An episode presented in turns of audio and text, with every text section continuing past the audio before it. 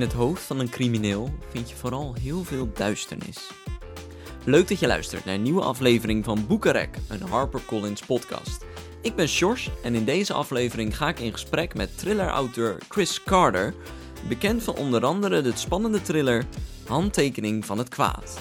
Chris Carter heeft een veelzijdig leven gehad. Na zijn verhuizing van Brazilië naar Amerika volgde hij een studie om forensisch psycholoog te worden. Hij kroop hierbij in het hoofd van criminelen om erachter te komen waarom ze dingen doen die ze doen. En nadat dit hem allemaal eigenlijk te veel werd, besloot Chris Carter een carrière in de muziek te beginnen. Jarenlang toerde hij door Amerika en speelde hij bij vele grote bands. Maar toen dat tijdperk op zijn einde kwam, ontdekte hij opeens een nieuwe liefde, namelijk schrijven. En dan wel het schrijven van hele spannende thrillers. I'm glad to be joined today on the Boekenrek podcast by the author of thrillers like The Crucifix Killer, and that's Mr. Chris Carter. Welcome.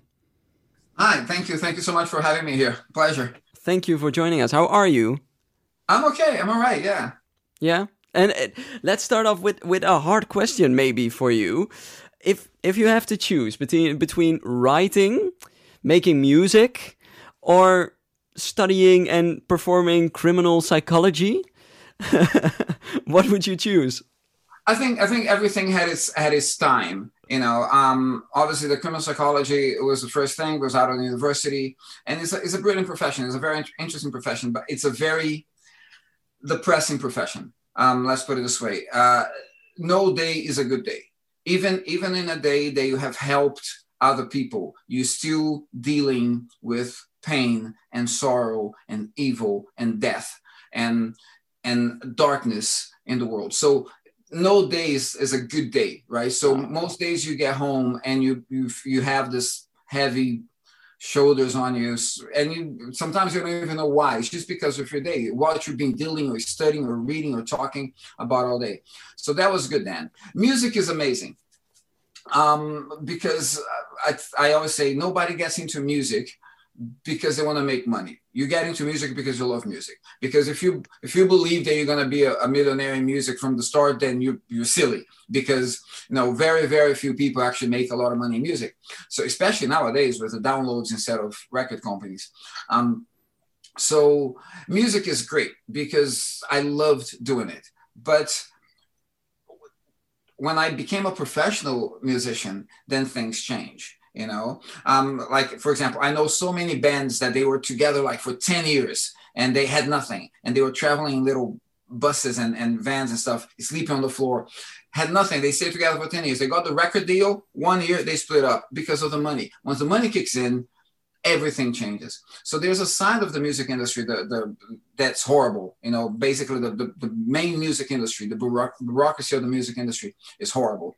So that it was great when i was doing it but um, I stopped it because I told myself, I know that the day that this stops being fun, I stopped doing it, and it stopped being fun. And writing for me now is awesome. I mean, I I, I didn't even know uh, I could write. It was never an intention to be a writer.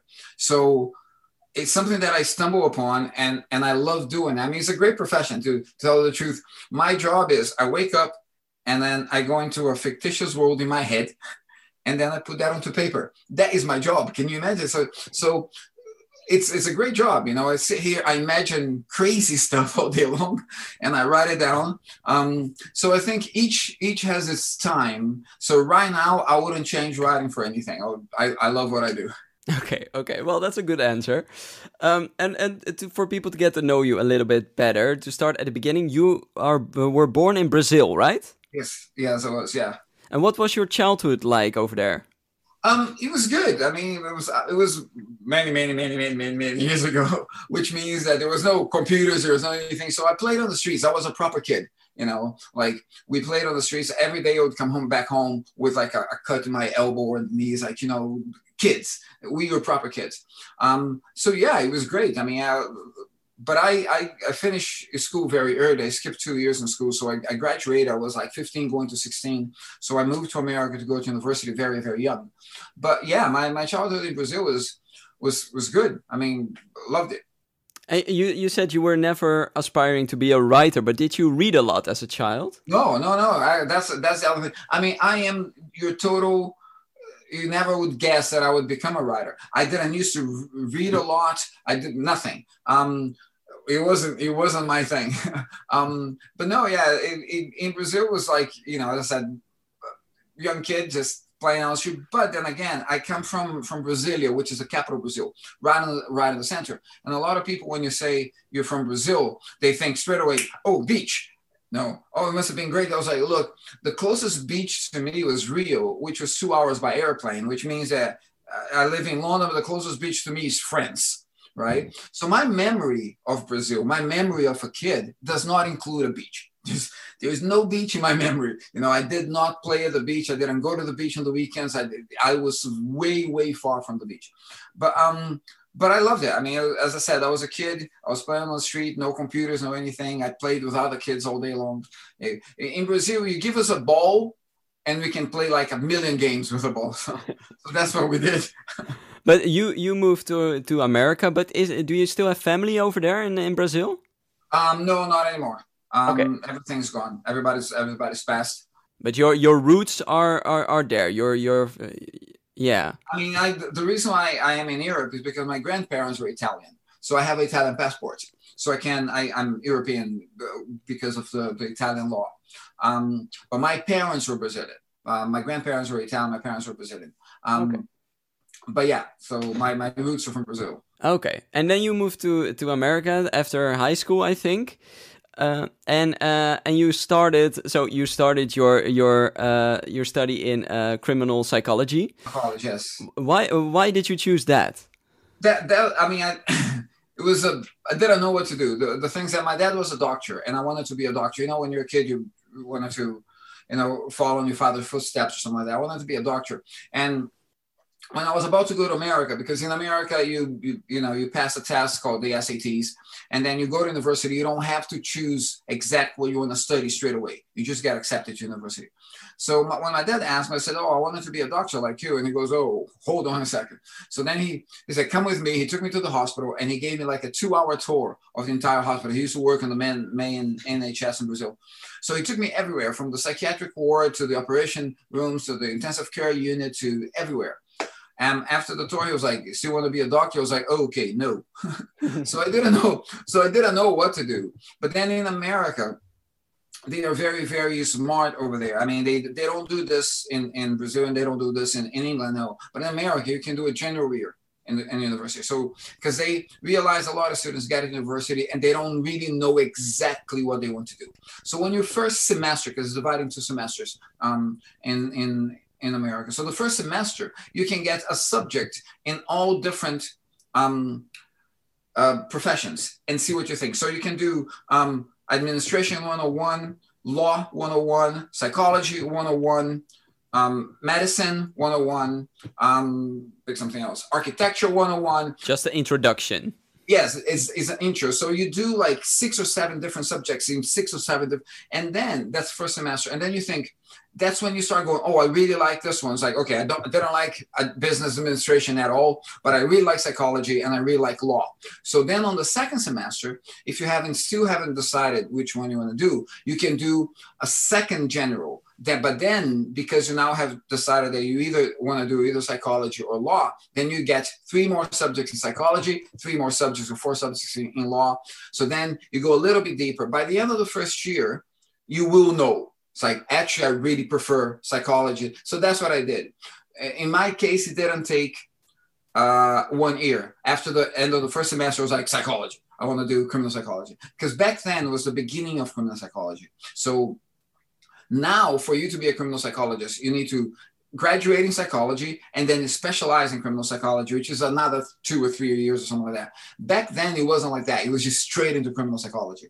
So I did one semester of it, and I was like, "This is super interesting." So that's that's how I I decided what, what I wanted to do. But it wasn't it wasn't a decision that I had made before getting to university. No. Okay, and and, and uh, you you've made a career out of that. For for people who don't know what kind of career you can do with that, what what did you do? Well, the, at the beginning, criminal psychology is a little bit different than now. I mean, there's a, there's a series on Netflix or something called Headhunter. Um, Mindhunter. Mindhunter, yeah. Which is yeah, which is exactly about that, and that's exactly when I was there. Oh yeah, that is dark stuff. It was right at the beginning of the CASVC, um, which is like they they were thought of in 84 and, um, and established about 85 i graduated in 85 so then it was just it was the beginning. So at the beginning of criminal psychology people didn't really know exactly what was going on but but because there are a few cases that that became very famous then they gave a lot of um, emphasis to the criminal psychology. So back then we were attending crime scenes you know we had to see um, what happened. And, and basically, I always say to people, the thing about criminal psychology is, is very interesting because obviously you, you're studying the things that you read in books, you know, it's, it's you're studying yeah. the minds of criminals and how they work. And that's what you're trying to figure out. But the truth is, you study all those years in university and your profession is a guess. You take a guess. It's not a specific science. So what do you do? You go to a crime scene, or you read the report and you analyze all these things that happen at the crime scene, the level of violence, you know, if the body has been posed or the kind of you know all these kind of things how long must the the, the, the was a victim tortured or not tortured before the crime all you analyze all this and then you give a guess of what you think the criminal is. It's like, look, the criminal did know the victim because of this, this, this shows that there was a knowledge of the victim by the criminal. Really profiling. Yes. So that's what the profiling is. And then you, you sort of get you can guess age there's depending depending of how much information you, you have you can you can sort of narrow it down for um, from uh, um, status in life, like if it's poor person or middle middle class, of white, not white, um, known the person, not known the person, um, like little things like this. Um, but then, but that was back then, um, which was like a, like in anything, things were a little bit simpler. Nowadays, it's much harder. The, the internet made everything much harder. You know, yeah. um, people can groom you on the internet. They can like. I, there's one of the books I even mentioned this. It's like before, if you're a stalker, you needed to go and sit outside your your victim's house and follow the victim. And uh, now you don't. You go on the internet and the victim yeah. tells you where they're going to be. Like if you go into their Facebook and they say, "Oh, Saturday there's this party I'm going to be," they know exactly where you're going to be. They know what you're going to be wearing because you take a picture and show it everybody. So social media is it's an open market for for crime if you want. And if you if you look back, do do you see how that is now? Do you, or do you uh, regret leaving that, that that profession, or do you think, thank God, I'm out of that? No, no. I mean, I, I, I I'm glad I left. You know, because as I said, it's it's a very it's a very dark profession. Every yeah. day is not a good day. So then. Um, Nietzsche also said, it was Nietzsche who said, they said, if you look into the abyss for too long, then then the abyss looks at, back at you. And that's the thing is like um, they they give criminal psychologists quite a, a, long break. If you if you've been in a in a in a heavy case, right, they'll give you like eight months of break after that because it's it's very very difficult. You know, some criminal psychologists do the thing about trying to put themselves in in the in the mindset of the killer to try to to figure out where they're gonna do it next. You know, if the if the person did this and this and this, then it stands to reason that this is the path that that person is taking. So you try to predict what's gonna come next and putting yourself in that frame of mind all the time is very dangerous. You know you can go into that darkness. You know there's there's a lot of uh, police officers that do this like they infiltrate um, gangs right? Hooligan gangs like football gangs. And then they be actually in the end they become part of the gang because it, you know they actually do suck the person in. So um i i was already thinking back then is like how long can i be in this before this breaks me um, so then I am happy. I am happy that I did it, but I am happy that I'm out. well, I think uh, I don't know if you use that, but I think it it lends for a lot of inspiration about the books you are now writing. I mean, yes, of course. As, uh, as I said, uh, I never wanted to be a writer, but when I started writing the, decided to write a, the first book, it wasn't even supposed to be a crime story.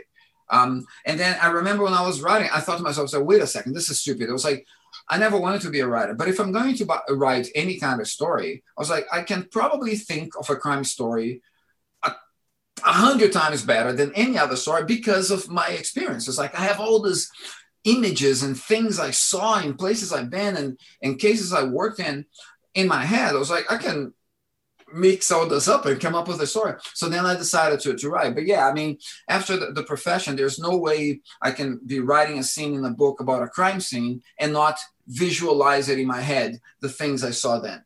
Um, it's it's impossible. Every time I start writing, it comes it comes to my head things I saw and stuff like that. So yeah, I mean, for the profession, it, it, it helps a lot. It helps like a, a phenomenal amount for me. Yeah, yeah, but uh, like you said, it, it's it's. I think it's a dark, a dark thing to do, a dark profession to be in. Um, were are there things that you, when you are writing a new book, that you think, wow, I I really saw cases like this, or I've dealt with this, and that you go back there. I always tell people, I was like, look, it's because um, so many of the cases don't get publicized. You know, you see just a few, like a very small one percent on, on, on the on the internet. I say the world is a messed up place. It yeah. is a messed up place. They're the, the people that will do things to other humans. They're beggars belief. And and and one of the things that I say this in, in, in several interviews. One of the main thing that I I realized coming from um, criminal psychology into writing crime fiction, right? The main difference in between reality and fiction is that fiction has to make sense and reality does not, right? When you write a book, you need to make sense of the crime. You need to tell the, the, the reader, this is why the killer did this and this and this and that. And it has to be something plausible. It has to be something that the reader go, oh, okay, I don't agree with the murder, but I understand why this person broke, why this person became a killer right? Real life is not like this. Real life people will kill for zero reason. There is none, right? And you just go, really? That's why you kill. If I put that in a book, people are never gonna buy my book again because they go, okay, that's a stupid reason. Um, and that's what you see in real life. Real life people kill others for no, for no reason. There's a story I always tell. There was a guy I interviewed um, and he was a, a, mass murderer, not a serial killer. And quick difference between mass murder and serial killer. Serial killer, um, as defined by the FBI, somebody who kills three or more people in three or more separate events with a break in the middle, right? And that break could be any anything, two days, a week, a month, a year, 10 years, doesn't matter. But it's three or more people in three or more separate events. A mass murder kills three or more people in one single event.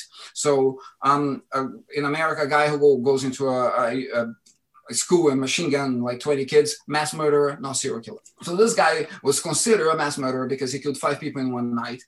Um, and when I was talking to him, um, I, I, asked him, said, what happened? So he said, I was in a bar and um, I got an altercation with this guy, got angry and I decided I'm going to kill him. I was like, okay, fair enough. That's a big decision, but fine.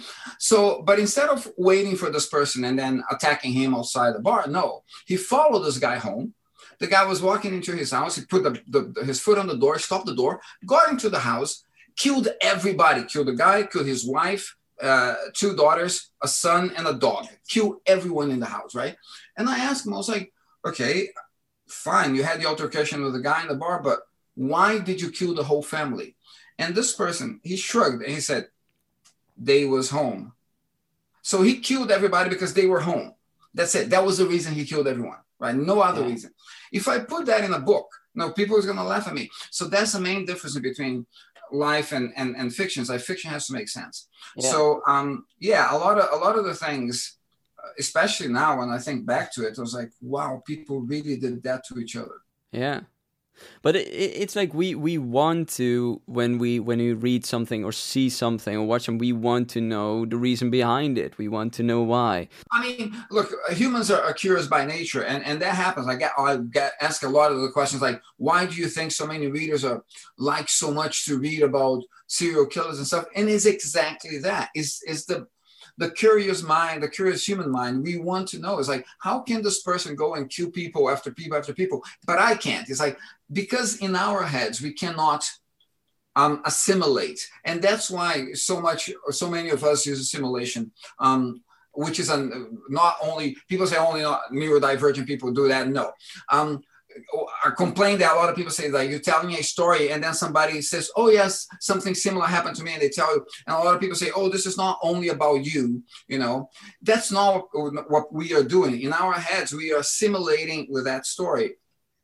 Um, and that's the thing. A lot of people like to read uh, re, uh, or crime fiction because they want to understand, you know, and even though they know it's fiction, but most books has a reason why because of what I said. It has to make sense. And that reason gives a, a, certain satisfaction in the human brain going okay i understood why this person went out in the book and the, it's just we need to know. Is is a need to know thing. So i completely understand um, that the people over there they want to know the real thing behind you know? And actually doesn't even have to be real. It just has to be plausible. Yeah. if you just say oh no it was just it was a it was a assassination by by money that's not good enough. It's like that doesn't really explain. They want, but then if you make up a reason, right, that is any reason, just make it up, but is a more extensive reason. They go, oh, okay, I understand. And they go out. They just need something to. It's like their brain is hungry and they need to feed it. Yeah. So you give them you give them some information, they'll grab it and they'll let it go. But I, I, I can imagine that because of your your your work and uh, and writing the books and all those memories, um, you will lose faith in human nature. Uh, yeah, yeah, pretty much.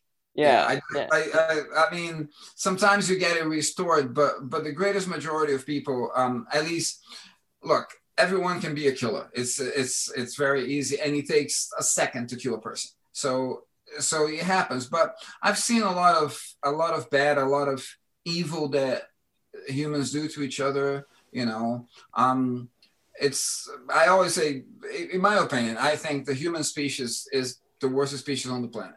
Out of all the animals on this planet, we are the worst. We we lie, we cheat, we con, we we do you know everything to we have we have greed which is one of the, the things that no other animal have. Other animals they will kill an animal start eating. When they're full enough they leave the animal there they leave. So other animals going to eat. We are greedy. The more we more we have the more we want. Um, so we destroy our own planet. We kill. We lie to the people we love. Um, we con the people. It's it's we as a species are just despicable. Um, seriously, it, not even cockroaches do that. Um, so it is pretty bad. I mean, the human the humanity is is pretty bad.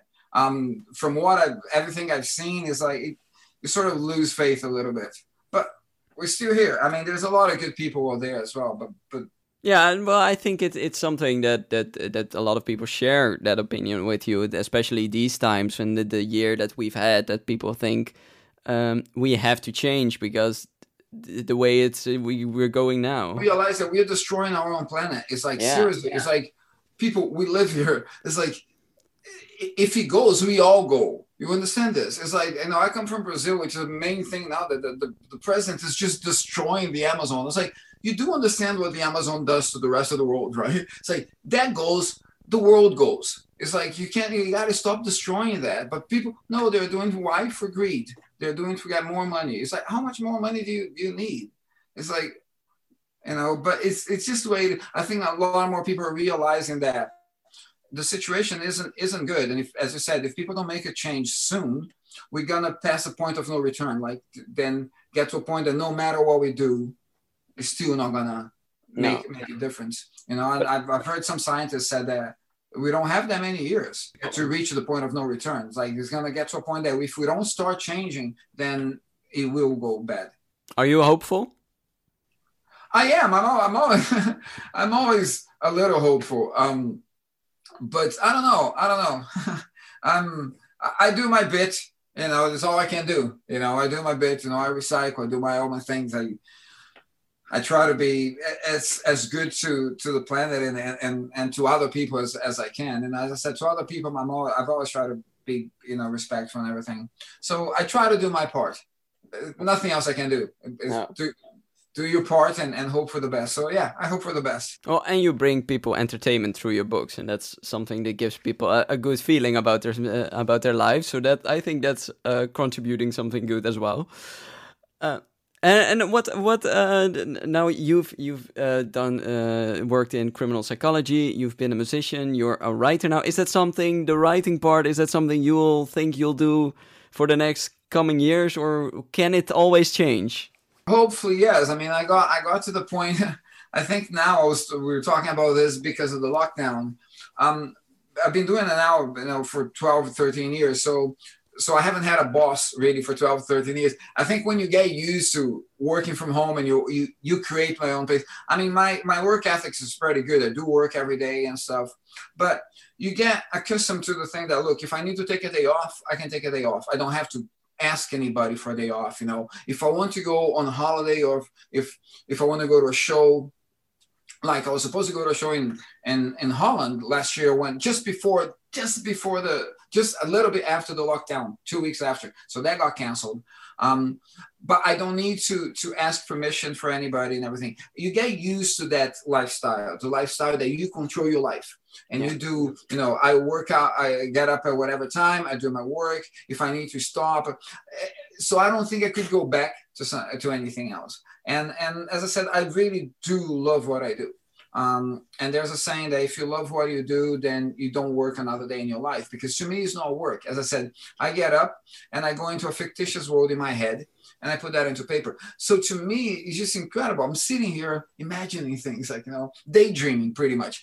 I sit here daydreaming, but then I put that to paper. And that's my job. So I absolutely adore what I do. Everything about it, even the the research is incredible. I love doing the research. If I need to find out something, you discover so many crazy things when you do research. Um, so I love the research and everything. I think the only bit of writing that I'm I don't like very much is the copy editing because when you when you're doing the copy editing, you can't change anything anymore. Is that's just you just correct commas or something like that. So if you see something, you go, "Oh my god, yeah, I I, ugh, I don't like this. I needed to change, but you can't anymore." So that I don't like that. But um, yeah, I, I love I love what I do. So hopefully, if I can, I I will see the end of my days by writing books. yeah, well, I think that's a good thing, and uh, people in the Netherlands uh, really like your books. Like we uh, have the Crucifix Killer out here. Uh, it's out right now, and the Executioner. Um, so I urge everyone to uh, to go and read that. Uh, and Chris Carter, I really want to thank you for taking the time today to talk to me in the podcast. Oh, thank you so much. Thank you for having me. It was a pleasure. Ben je ook zo benieuwd geworden naar de verhalen van deze voormalig forensisch psycholoog? Het boek Handtekening van het Kwaad van Chris Carter is vanaf nu overal verkrijgbaar. En dat was het weer voor deze aflevering van de Boekenrek podcast. Voor meer gesprekken vind je ons op Apple Podcast, Spotify en alle andere podcast apps. Volgende week blik ik met je vooruit naar alle mooie zomerboeken die de komende maanden gaan verschijnen bij HarperCollins. Dus mocht je op vakantie gaan en nog niet weten welk boek je mee moet nemen, mis de aflevering van volgende week dan absoluut niet. Voor nu bedankt voor het luisteren, blijf gezond en blijf vooral lekker lezen. Tot de volgende keer.